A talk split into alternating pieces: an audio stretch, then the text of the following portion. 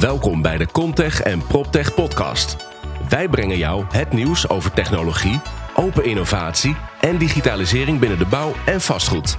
Dit doen wij door start-ups, scale-ups, technologiebedrijven en natuurlijk first movers en innovators vanuit bestaande bedrijven te interviewen. Ik stel je graag voor aan de host van deze podcast, Wouter Truffino, de CEO en founder van Holland Contech en PropTech. Welkom bij aflevering nummer 20. Vandaag interview ik Robert Hekelaar van Prologis. Prologis is een bedrijf, ja, daar mogen we toch wel een beetje trots op zijn, vind ik, als, eh, als fastfoodsector. Want zij zijn op verschillende vlakken zijn zij bezig om nieuwe technologie te omarmen. En om daadwerkelijk dus de verandering, eh, ja, de organisatie te, te vernieuwen. Uh, dat doen ze op drie verschillende vlakken. Eén daarvan is hun een lab. Dus ze hebben een, een fysieke lab in, in Amerika, waarin allerlei nieuwe technologie getest wordt. Daarna hebben ze een digital lab, waar alle digitale zaken met data, blockchain getest worden. En ze hebben een venture fund. Uh, dus ze investeren daarmee in allerlei proptech bedrijven die, uh, die interessant zouden kunnen zijn voor, voor. Robert die vertelt waar hij zijn inspiratie vandaan haalt, waar hij zijn beste ideeën uh, nou ja, ziet, ziet voorbij komen. Het verschil tussen Amerika en Europa. En uh, uiteindelijk ook hoe hij uh, nou ja, de, eigen organisatie, hoe die wordt aangestuurd om, om verandering te adopteren. En wat succesvol innoveren is binnen een corporate organisatie. Mag ik je uitnodigen om mee te luisteren met Robert Hekelaar van Prologis.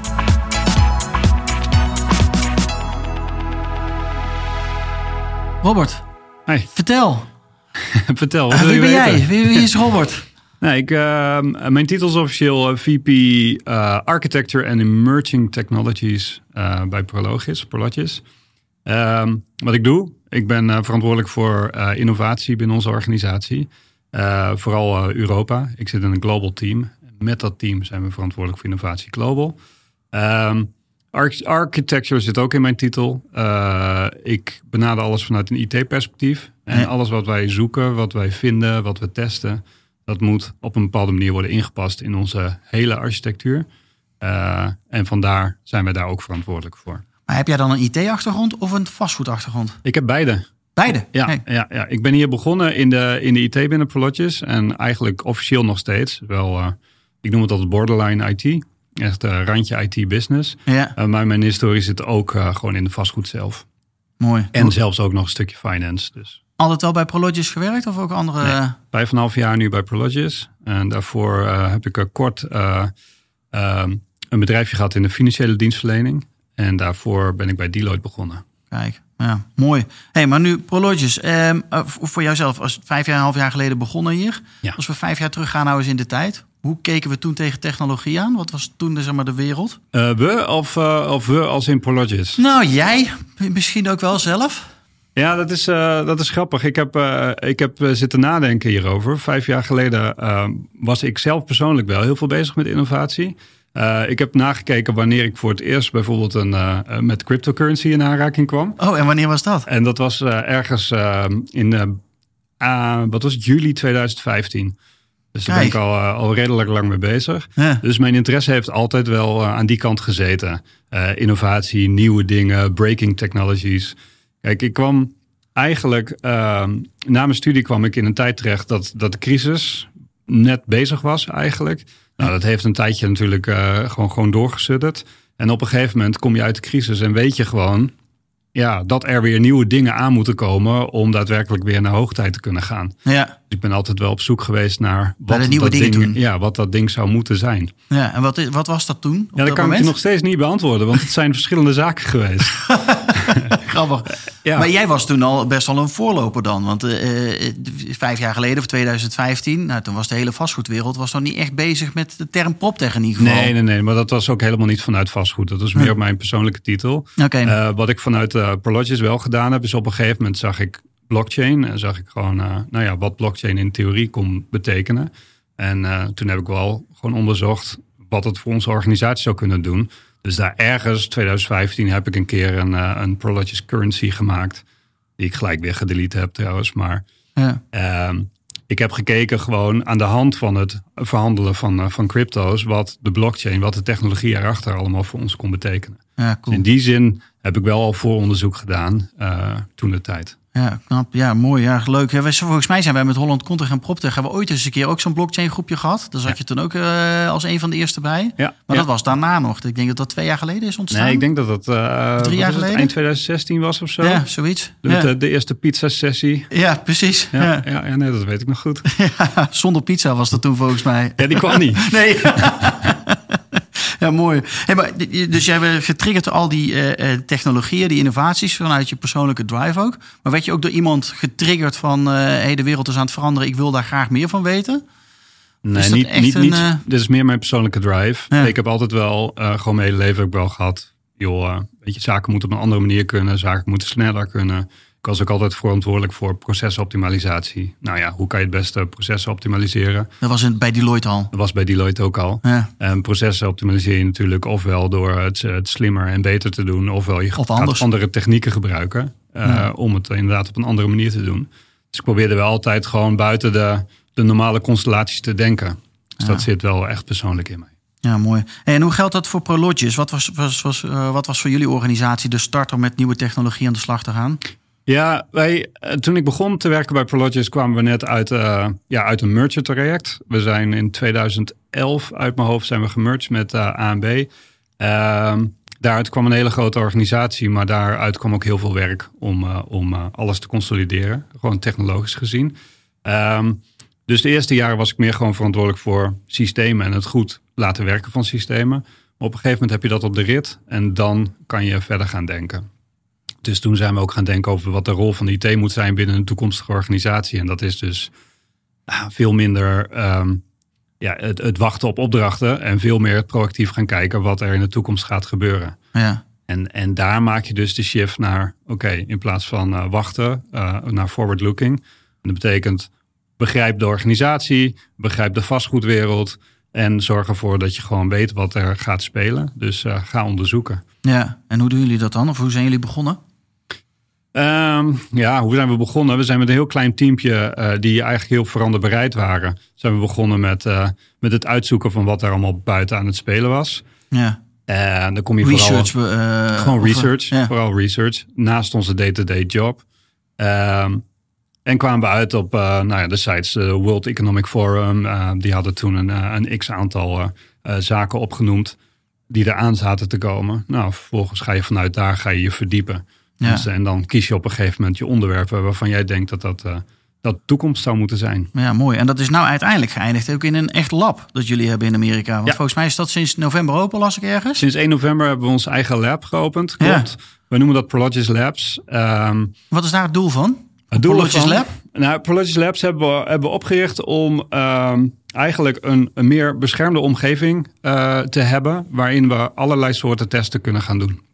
Ehm, het zij met tenants, met huurders, eh, het zij zonder huurders. Maar in elk geval een omgeving waar we alles kapot kunnen maken, eh, waarin we alles kunnen installeren en eh, waar we eigenlijk geen schade kunnen aanrichten in, in wat voor operationeel warehouse dan ook. Oké, maar je hebt, is het ook echt daadwerkelijk gewoon een fysiek warehouse waar je dan van alles echt gewoon echt in kan doen? Het is een fysiek warehouse. Uh, die hebben we gewoon ingericht als een, als een traditioneel warehouse. Er staan gewoon stellages in. We hebben een x-aantal dockdoors. Gewoon deuren die open en dicht kunnen. Ja. En nou, alles wat je kan bedenken in een normaal warehouse zit daar ook in. Zodat we gewoon, gewoon real-life situaties gewoon kunnen nabootsen in die, in die, die omgeving. Cool. Wat voor technologie testen jullie daar? Heel veel verschillende technologieën. Kijk, we zitten nu nog in de beginfase. Dus we zijn nu ook vooral um, heel erg fysieke zaken aan het testen. Zoals dockdoor bumpers, noem eens even wat. Iets heel simpels. Ja. Um, um, tot aan stellages. Uh, maar we zijn ook al, al heel ver met het, uh, met het testen van smart meters, smart meters op uh, circuit level. Dus op stoppenniveau. Ja. En meten wat je allemaal kan meten via de meters van een, van een warehouse. Um, daarnaast zijn we bezig met een aantal bedrijven om, om te gaan testen met de robots. Um, een aantal drone companies. En zo langzamerhand beginnen we gewoon ons paletje uh, uit te breiden. Cool. Je kan me voorstellen dat heel veel mensen daarop gereageerd hebben. Of heel veel start-ups, scale-ups die dachten van... hey, ja. als Prologis echt een testlab heeft, daar wil ik bij zijn. Ja, ja en dat is, dat is zo. En ook gewoon heel veel bestaande vendors. Die willen heel graag ook... Um, uh, het lab gebruiken als een soort van showcase. Van, joh, uh, kijk eens even wat voor geweldig product wij hebben. Mogen we dat daar ja, laten cool. zien? Ja. Uh, proberen we wel in die zin een beetje af te houden. Want uh, wij willen onze lab vooral gebruiken als een research and development. we willen graag onderzoeken doen. En je wil naar de volgende stap. Minder die shiny objects alleen maar laten zien, inderdaad. Ja. Dus we willen, we willen wel op een gegeven moment naar die volgende stap. En of, of dat nou komt zeg maar door een fysieke oplossing in het warehouse of om de data die we uit het warehouse halen. Ja, dat is, uh, dat is de vraag. Dat zal uh, zich uitwijzen. Ja. En waar, waar staat het lab eigenlijk? In Amerika toch ergens? Het staat in Amerika, uh, naast San Francisco, in San Leandro. Ehm, dus je kan vanaf San Francisco er gewoon heel gemakkelijk heen rijden. wij hopen dat we in de toekomst ook iets dergelijks in Europa kunnen neerzetten. Oké. Maar dat, uh, dat is aan dus ons. makkelijker om daar naartoe te gaan. Dat is makkelijker om naartoe te gaan. en bovendien hier in Nederland heb je ook heel veel, uh, of hier in Europa moet ik zeggen, heb je heel veel uh, vendors en heel veel start-ups die geweldige producten hebben. Um, die we wellicht ook gewoon hier in deze omgeving zouden moeten kunnen testen. Cool. Wat is, wat zou het, wat is voor jullie het, nou, wanneer is het een succes, zeg maar? Ja, dat is een hele goede vraag. Wij proberen te werken met uh, volgens het boek van Eric Ries, de Startup Way. Ja. Dus we proberen binnen onze corporate, ja, binnen onze corporate proberen we gewoon als een soort van start-up te fungeren. Um, dus we hebben hele snelle experimenten. We hebben op dit moment 16 experimenten lopen en we proberen gewoon nou heel iteratief keuzes te maken. Ja, elke um, keer dat cirkeltje door. Cirkeltje door, zo snel leren, mogelijk. Leren, leren. Pivot or persevere, weet je. Stoppen ja. of doorgaan. Ja. Of, of Um, in plaats van naar rechts naar links te gaan. Uh, zo snel mogelijk conclusies te trekken. Heel veel experimenten zullen ook eindigen in. Nou, dat is niks voor ons. Uh, lessons learned, alles opschrijven. Ook prima, en zo snel mogelijk door. Ja. Dus wanneer is het een succes voor ons? Ja, als we heel veel experimenten kunnen runnen en heel veel conclusies kunnen trekken. Maar daarnaast heb je natuurlijk ook altijd het politieke uh, stukje. Um, ik denk dat we binnen nu en een jaar wel een, een succesvol product of een succesvolle innovatie moeten realiseren om gewoon ja, onszelf te hebben bewezen. Ja, cool. Dat moet je altijd, uh, altijd hebben. Maar ik hoorde jou laatst in een podcast-uitzending ook uh, van onze Engelse collega's, zeg maar, uh, praten over dat je in Amsterdam ook wat hebt. Want in Amsterdam heb je een digital lab. Ja, dat is, dat is net iets anders. Want wij noemen, wij noemen zeg maar alles Prologis Labs. En we hebben daar een fysiek lab en een, en een niet-fysiek lab. Dus een digitaal lab. Oké. Dus wat, wat allemaal gebeurt in het fysieke warehouse noemen we gewoon echt het fysieke lab. Um, en alle experimenten die we doen in Europa bij onze huurders en samen met onze huurders, um, dat noemen we gewoon de digital lab. Ja, oké. Okay. Nou. Uh, dus uh, het is, valt eigenlijk allebei valt onder hetzelfde. onder dezelfde paraplu? Precies, en de digital lab heeft natuurlijk geen locatie, want het, dat gebeurt gewoon overal. Nee, maar wat doe je dan in een digital lab? Want daar, dat zijn andere experimenten, lijkt me dan. Ja, dat zijn experimenten die we gewoon netjes met, met onze huurders kunnen doen. Dus daar heb je bijvoorbeeld, uh, nou, ik, had het net over smart meters. Nou, dat kan je ook prima. Je kan er prima testen mee doen, ook bij de huurders zelf. Op wat voor niveau willen de huurders nou gewoon energiedata hebben? In hoeverre kan ik de huurder helpen met het, uh, met het analyseren van die data en het uh, trekken van conclusies? Hoe kan ik een warehouse, soort, het gebruik van een warehouse, soort van heatmappen, zodat men weet of het warehouse op de juiste manier gebruikt wordt? En zo uh, bedenk je samen met de huurder gewoon zaken die je gezamenlijk zou kunnen doen in een operationeel warehouse. Zonder de operatie gewoon onder druk te zetten. Ja, precies. En dan hadden we het in het begin ook eventjes over uh, de, de, blockchain, zeg maar, uh, technologie. doen jullie daar ook al iets mee in het Digital Lab? Nou, officieel, officieel niet. Dus wij, hebben, wij zitten niet in een, in een of ander consortium of we geven er heel veel geld aan uit. Nee, dat doen we allemaal op dit moment niet. Nee. We hebben een hele lange tijd hebben we gewacht Totdat de blockchain eigenlijk een beetje van zijn hype af was. Uh, wij zien Ja. nog wel een aantal struikelblokken voor blockchain en vastgoed. Uh, en tot op heden zie ik ook heel veel blockchain oplossingen voor de vastgoed. Waarvan ik denk van joh, uh, nou, je hebt altijd nog een derde persoon nodig. En als je dan toch een derde persoon hebt, dan kan je ook een database gebruiken. Um, dus ik zie een aantal, aantal vraagstukken die nog niet opgelost zijn op de blockchain. Wij denken wel in de korte termijn, en dat is zeker dit jaar, uh, daar actiever mee bezig te gaan. Omdat we denken dat het kaf langzamerhand wel een beetje van het koren gescheiden is. Ja, Um, en dan kunnen we gewoon serieus met een aantal partijen aan de slag gaan om iets, uh, iets moois te gaan bedenken. Ja, ik ben ook heel benieuwd. Nou ja, we, we hebben ooit ook een keer, uh, heb ik ergens een keer wat geschreven over een trend van 2016 of 17. En dat zou dan de blockchain zijn. Technologie die wordt toegepast in vastgoed. Uh, nou, daar ben ik wel een beetje van teruggekomen, moet je eerlijk ook zeggen. Ja. Ehm, want Nou, het weet, je nog dat tegen. wij, weet je nog dat wij, ik dacht dat jij er ook bij was, een keer zo'n presentatie hadden van eh, Ragnar Lift, Lift. Asia van eh, Ja, de Blockchain Foundation, of ik weet niet precies ja Ibria was dat. Ibria was ja, dat. Ja, bij het kadaster, met kadaster samen. Met het kadaster inderdaad. En die had het ook over land registry via de blockchain. En die had een use case daar. Nou, volgens mij was die use case in nou, begin 2016 of zoiets dergelijks. Ja. En in Zweden heeft, eh, Zweden heeft ook iets gerealiseerd ergens eh, in 2017. En daar hoor je nu op dit moment ehm, niks meer over. Ja, omdat ze eigenlijk niet verder komen dan het feit dat ze iets op een blockchain hebben gezet. Gezet, ja, precies. Ja. Nou, ik ben heel benieuwd. We hebben binnenkort, volgens mij is in maart, zijn de eh, Blockchain Awards in, in Zug. in Zwitserland. Daar ga ik wel heen, want daar zijn we ook met Global PropTech zijn we daar partner van. Dus ik ben heel benieuwd wat er dan over de hele wereld aan beste blockchain ideeën bij elkaar komen. Maar ja, we gaan het zien. Nee, we gaan het zien. En We ik, gaan het eh, zien. ik, ik, geloof, Ja. ik geloof heel erg in de blockchain hoor. Daar, Ja. echt, het is volgens mij de, de techniek die het gaat worden, gewoon voor, eh, voor komende tijd. Ja, Alleen we moeten nog de juiste use cases moeten we vinden. En bovendien vastgoed moet bereid zijn om ehm, eigenlijk iets meer transparantie te creëren in, in wat ze doen. Ehm, want vertrouwen is natuurlijk gewoon een heel belangrijk onderdeel bij blockchain. ja. En ik weet niet of vastgoed altijd dat wil. Nee, nee, dat klopt. Daar zijn we nog. Dat, dat, ja, dat wordt nog een, eh, ook een dingetje waar we wat mee moeten, moeten doen. Precies. Maar ja, volgens mij is die eh Ibria is er ooit mee begonnen. Nou, ik weet niet of dat nou de meest beste organisatie was die we gehad hebben als ecosysteem. Maar ik vind nu Fibre, eh, eh, wat nu ook eh, net een half jaar geleden is opgericht met weer Jo Bronkers eh, daar onder andere ook in. Ja, dat is wel een transparante club en die denken er wel op een andere manier over na. Ja. En die zijn wel op een goede manier bezig om dat thema blockchain weer eens op te pakken. En om daar goed En- research ook naar te doen. Ben ik helemaal mee eens. En daar En geloof iemand moet beginnen. Ja, iemand moet beginnen. Iemand ja. moet beginnen. En dat, eh, dat heeft eh, Ibria heel goed gedaan. Ja. En eh, nou ja, joh, Bitcoin gaat ook niet de munt van de toekomst worden. Die is ook gewoon begonnen. En daarna zullen er ook gewoon betere munten komen. komen dus. Hey, maar even terug naar Prologis. Jullie hebben dus het lab met een fysiek lab en een digital lab. Maar jullie hebben ook een venture fund, toch? Ja, we hebben Prologis Ventures. Eh, dat is een eh, club eh, die zit in San Francisco, in ons hoofdkantoor. Ehm, die mensen die investeren in ja, eigenlijk producten die wellicht in de toekomst van waarde kunnen zijn voor onze organisatie. Oké, dus, Dus het moet heel visie. specifiek voor eh Prologis Prologis of warehouses. heb hem, neem hem iets breder en dan gewoon Prologis en de supply chain. Ja. Want wij denken wel dat onze organisatie, dat als we wat willen in de toekomst, dat we een, een belangrijke partner in de supply chain moeten worden. En dat we goed moeten begrijpen hoe goederen van A naar B gaan. En eh, wat voor rol wij daarin kunnen, eh, kunnen gaan spelen. Hoeveel, hoeveel zit er eigenlijk in het fonds? Weet je dat? Nee, dat weet ik niet. Ja. Nee.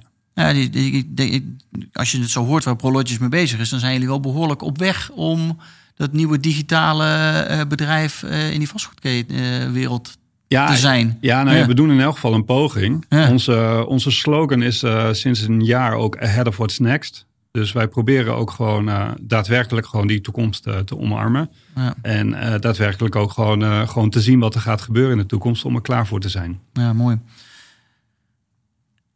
Nou kom je dus een aantal keer per jaar ook in, eh, in, in Amerika. Omdat ja, je, je bent daar ook wel eens op dat, eh, in, het, eh, in het lab, zeg maar. Ehm, wat is voor jou het, het grootste verschil tussen Amerika en tussen Europa? Of misschien ook wel Azië, als het gaat om nieuwe technologie in die vastgoedwereld? Nou, het, het grootste. Ten eerste denk ik dat Europa verder is dan Amerika. Als je het hebt over de vastgoedwereld. Ehm, het grote verschil tussen Amerika en Europa is het feit dat Europa denkt eerst lang. En die gaan lekker aan het werk. En die gaan iets gewoon neerzetten. En vervolgens gaan ze het uitrollen. Ja, En Amerika die denkt iets minder lang. En gaat het gelijk vermarkten. ja. Ehm, en geld in pompen. en geld in pompen. En daar is veel meer venture capital. Dus Ja. eh, ze kunnen ook gewoon eh, eh, vele grotere stappen maken. En gaan along the way hun product mee ontwikkelen. Dus mijn, mijn mening is dat Europa minder snel een product verkoopt wat minder af is. Dus als je een product hebt in, in, Europa, dan, dan, dan is het ook een goed product. Dan is Ja, het een goed product. Ja. En dat heb ik ook gemerkt, ook in, in testen, die, die ik ook in het lab doe. Ehm, Europa, die weet gewoon, die hebben het getest. Die weten gewoon dat ze iets leveren wat, wat gewoon werkt. Ja. En in Amerika is het soms, ja jongens, eh, kom het maar laten zien. En dan is van, ja, nee, maar ja, nu hebben we nog wel even een halfjaartje nodig om door te ontwikkelen. Oké. ja. En dat is prima. Dat is een andere cultuur, een ander gedachtegoed. ja. Ehm, maar dat is het grootste verschil tussen die, die, eh, die twee continenten. Ja, ik ben ook heel benieuwd. Ik heb ook geen oordeel erover wat beter is of wat minder, eh, wat, wat minder is. Maar ik ben wel heel benieuwd waar nou de echte eh, goede ideeën uiteindelijk vandaan komen die, die echt gaan doorbreken. Want in Europa zie je wel heel veel ideeën. Dus er zal ook nog een constellatieslag eh moeten gaan gebeuren. Dat denk, ik. wel. Ik, wij, wij, zitten, wij zijn groot in Amerika, veel groter dan in Europa. In Europa zitten we in 14 landen. Uh, dus wat onze organisatie wel zegt, als, als jullie iets werkend krijgen in Europa, dan weten we zeker dat het werkt in Amerika. Dat is nu de, meer de houding van onze organisatie. Dus als er leuke innovaties zijn, test het in elk geval in Europa. Ja, Uh, want in, Euro in Amerika is alles gewoon simpeler. ja. Want we hebben niet uh, 14 wet- en rege- regelgevingen en de Europese Unie er nog boven. ja, precies. Ja, die maakt het in Europa natuurlijk niet echt heel makkelijk om, eh, om snel te schalen. Maakt het heel moeilijk. En Ja. dan hebben we het nog niet over de data ownership kwestie. Als je bijvoorbeeld IoT gaat toepassen in je warehouses. Ja, hoe, hoe gaan jullie daarmee om met dat soort vraagstukken? Want het lijkt me best ingewikkeld.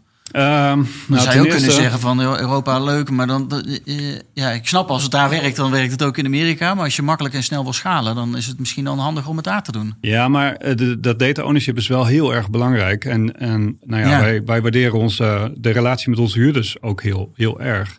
Ehm, dus dat data ownership kwestie, die moet je heel transparant benaderen.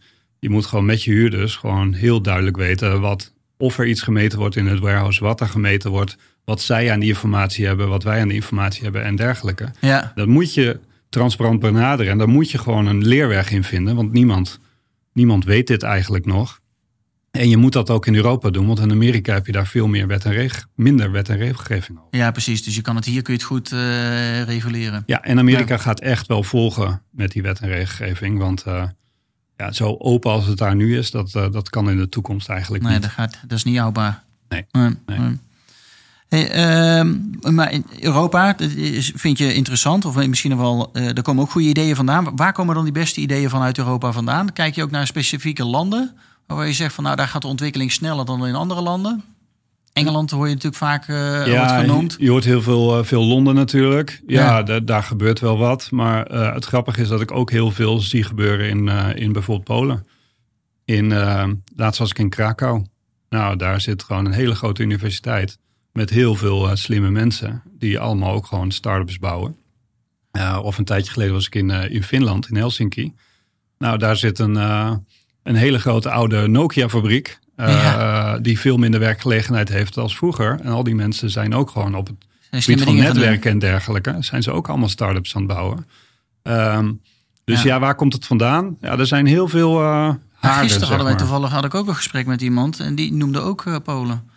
Eh, Dat daar heel veel gebeurt en dat daar heel veel slimme mensen zitten eh, die, ja, die met gave oplossingen bezig zijn. Ja, nee, dat had ik dus in Polen ook. Maar ook Finland vond ik, eh, was ik erg van onder de indruk wat ze aan het doen waren. En dan heb je het meer over IoT en over netwerken en over... Nou, het, het is allemaal een beetje de telefoniehoek waar Ja. ze natuurlijk in opgegroeid zijn. Ja, en hoe denk je dan over de Nederlandse markt, zeg maar? Ik denk dat Nederland gemiddeld genomen he- überhaupt heel ver is in het, in het innovatief denken. Ja, Uh, ik denk dat Nederland ook best wel ver is in het, uh, op het gebied van uh, AI en machine learning. Uh, en ook blockchain, denk ik dat we eigenlijk best wel, best wel ver zijn. wij, hebben wel, wij Nederlanders hebben wel gewoon de drang om an het anders te doen dan anders. Hè? Ik bedoel, waarschijnlijk is dat gewoon onze, onze historische mentaliteit.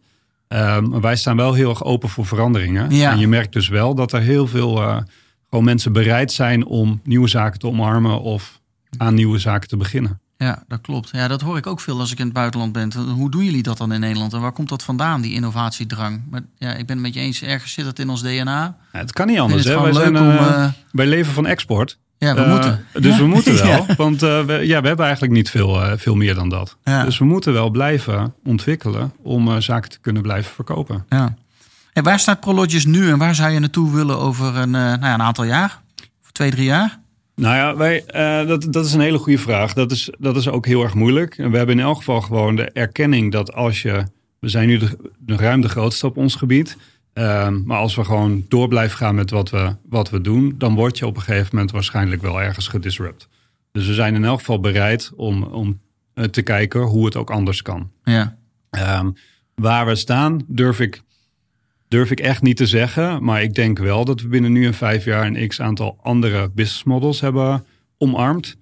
Ehm, of dat binnen, nou, Prologis zit binnen een REIT. Um, wij hebben dus een, uh, uh, dat is een, uh, een tekst, Amerikaanse tekststructuur. Ja. Um, en je kan eigenlijk binnen die REIT kan je alleen maar echt vastgoedmatige zaken doen. Uh, dus wellicht gaan we in de toekomst wel een aantal spin-offs creëren als we iets, uh, als we iets moois realiseren. Uh, om het buiten die REIT te doen, om het mogelijk om te kunnen maken. ook mogelijk te maken. Precies. Ja. Ehm, maar ik denk dat het, het vastgoed businessmodel over vijf jaar er ook heel anders uitziet. Ja. En hoe? Durf je daar al, durf je al in die glazen bol te, te kijken en ons mee te nemen? Ja, nou ja, kijk, wat je in offices uh, afgelopen vijf jaar zag, was dat, uh, dat er steeds meer, weet je, office for a day of uh, dat ja. je een stoeltje kon huren. Coworking. Nou, ja. ja. precies. En wellicht gaat dat in de warehousing ook, ook wel meer gebeuren. Als je de vraag en aanbod en de supply chain kant iets beter begrijpt, um, zou je wellicht ook gewoon beter um, per vierkante meter kunnen gaan huren op korte termijn. Ja. Weet ik niet. Misschien, ja. is dat, misschien is dat iets. Aan de andere kant, ruimte is zo schaars dat, ja, dat, dat heel veel bedrijven ook wel heel graag gewoon zekerheid willen hebben over het opslaan van hun goederen. Ja, ja dat kan me wel voorstellen. En dan heb je natuurlijk nog de derde van joh, uh, hoe gaat de supply chain veranderen en hoeveel uh, goederenopslag is er in de toekomst uh, nog nodig? Wordt er straks alles 3D print? Of, ja, dat weet ik niet. Maar je ziet nu volgens mij alleen maar een toename alles wordt natuurlijk over de hele wereld ver, verscheept uh, ja, nu om zie op je de juiste plek te krijgen. Ja, nu zie je een gigantische toename. Maar ja. je ziet ook dat bijvoorbeeld uh, schepen uh, meer gaan gebruikt worden als opslagcapaciteit.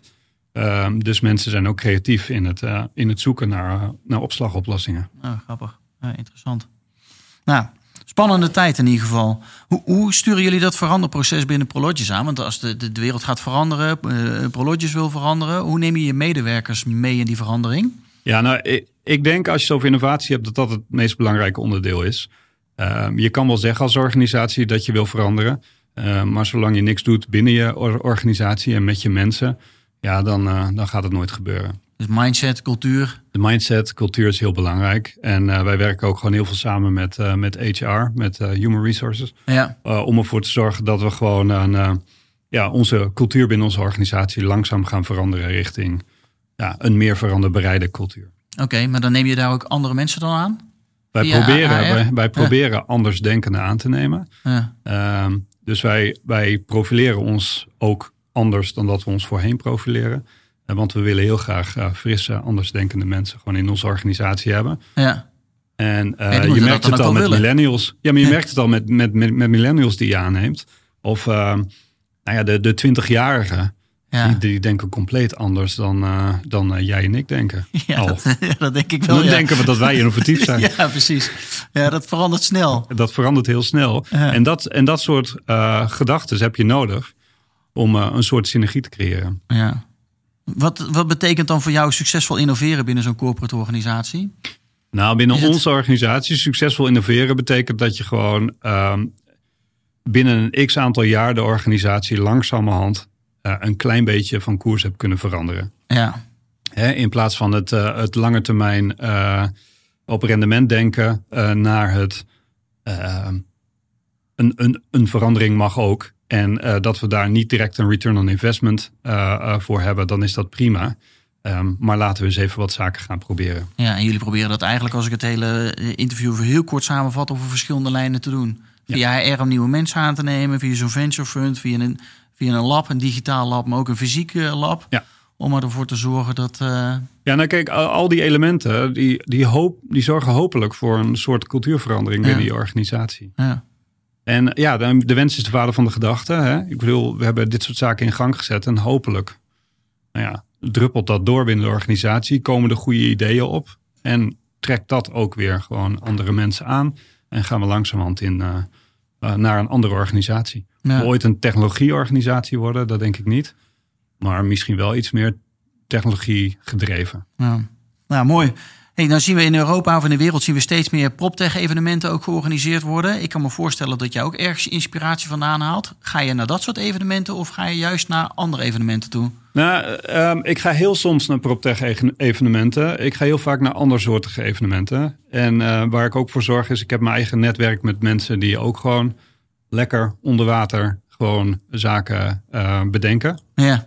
En daar heb ik ook heel vaak gewoon een uh, biertje bij en, en, en brainstormen. praten. Jongens, we gaan praten. Ja. praten, dromen. En, en later maar kijken of er ergens een, een haalbaarheid in zit. Mooi. Dus het is vooral ook gewoon, gewoon die, die peer group die je hebt. En dan gewoon sparren. Ja, mooi. Zou je één tip willen geven van een evenement van waar je heen gaat? Van, van buiten de sector, zeg maar? Wat je interessant vindt? Uh, nee, ik zou niet één tip kunnen geven, maar mijn, mijn tip is wel: kijk eens een keer uh, naar zaken buiten je eigen branche. Dus ga, naar, ga eens een keer naar een evenement uh, die niet superveel te maken heeft met vastgoed. En kijk eens even wat voor innovaties daar worden gepresenteerd. Ja.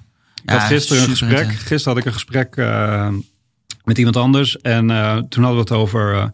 ja, eigenlijk zouden we gewoon eens een keer naar naar zo'n bijeenkomst van farmaceuten moeten gaan. Ja. Dus even kijken wat, wat zij nou zeggen. Ja, ja, kijken wat zij nou zeggen van joh, dit, dit is echt ongelooflijk. En nou, wij, wij, wij doen dit en dat met, met onze pillen tegenwoordig. Nou, ja. en als je die translatie naar, naar de vastgoed dan kan maken. Ja, dat vind ik heel cool. interessant. Ja, super interessant. Ja, hartstikke leuk. Uh, ja, joh, volgens mij zijn we hebben een heel groot gedeelte gehad. Ja, met toch? elkaar. Ja. Ik vond het een superleuk interview, Robert. Nou, ik vond het ook leuk. Ja. Als je meer wil weten, dan. uh, dan Hoe kunnen mensen jou vinden? vinden? Nou, ik heb e-mail en ik heb LinkedIn. LinkedIn en, is denk ik het makkelijkste, Robert? LinkedIn is het makkelijkste. de laatste tijd post ik ook iets meer over innovatie. Um, dus nou ja, je ziet me iets vaker op LinkedIn in elk geval. En anders ja, kunnen ze me altijd gewoon, gewoon mailen of bellen. En jouw mailadres, wil je die zo op ja, de podcast delen? is rhekelaar.prologis.com. Uh, maar ik heb een moeilijke achternaam, dus uh, nou ja, via Wouter kan je me altijd vinden. Komt helemaal goed. Ja, mooi. En als er mensen zijn. En wat Wouter, voor mensen willen, wil jij graag mee in contact komen? Precies, dat wou ik zeggen. Als er mensen zijn met een, met een geweldig idee, uh, dat ze wellicht uitgewerkt hebben, wellicht nog niet helemaal. En ze zoeken ergens nog een omgeving uh, waarin ze dat zouden willen gaan testen. Het is dan wel in Amerika, maar toch. Uh, Nee, ik sta altijd open voor een gesprek en voor een discussie uh, met cool. mensen. En dan kun jij ze weer verbinden met de mannen waarschijnlijk in Amerika die bij dat fysieke lab zijn betrokken. Precies, nou dat is gewoon mijn team. Dus cool. ik heb daar net zoveel zeggenschap over als uh, de rest nou, van het vet. team. Nou, mooi. Nou, dan gaan we ervoor zorgen dat jouw mailbox overladen wordt met goede ideeën. Dat is goed. Dankjewel, Robert. Dankjewel, Wouter.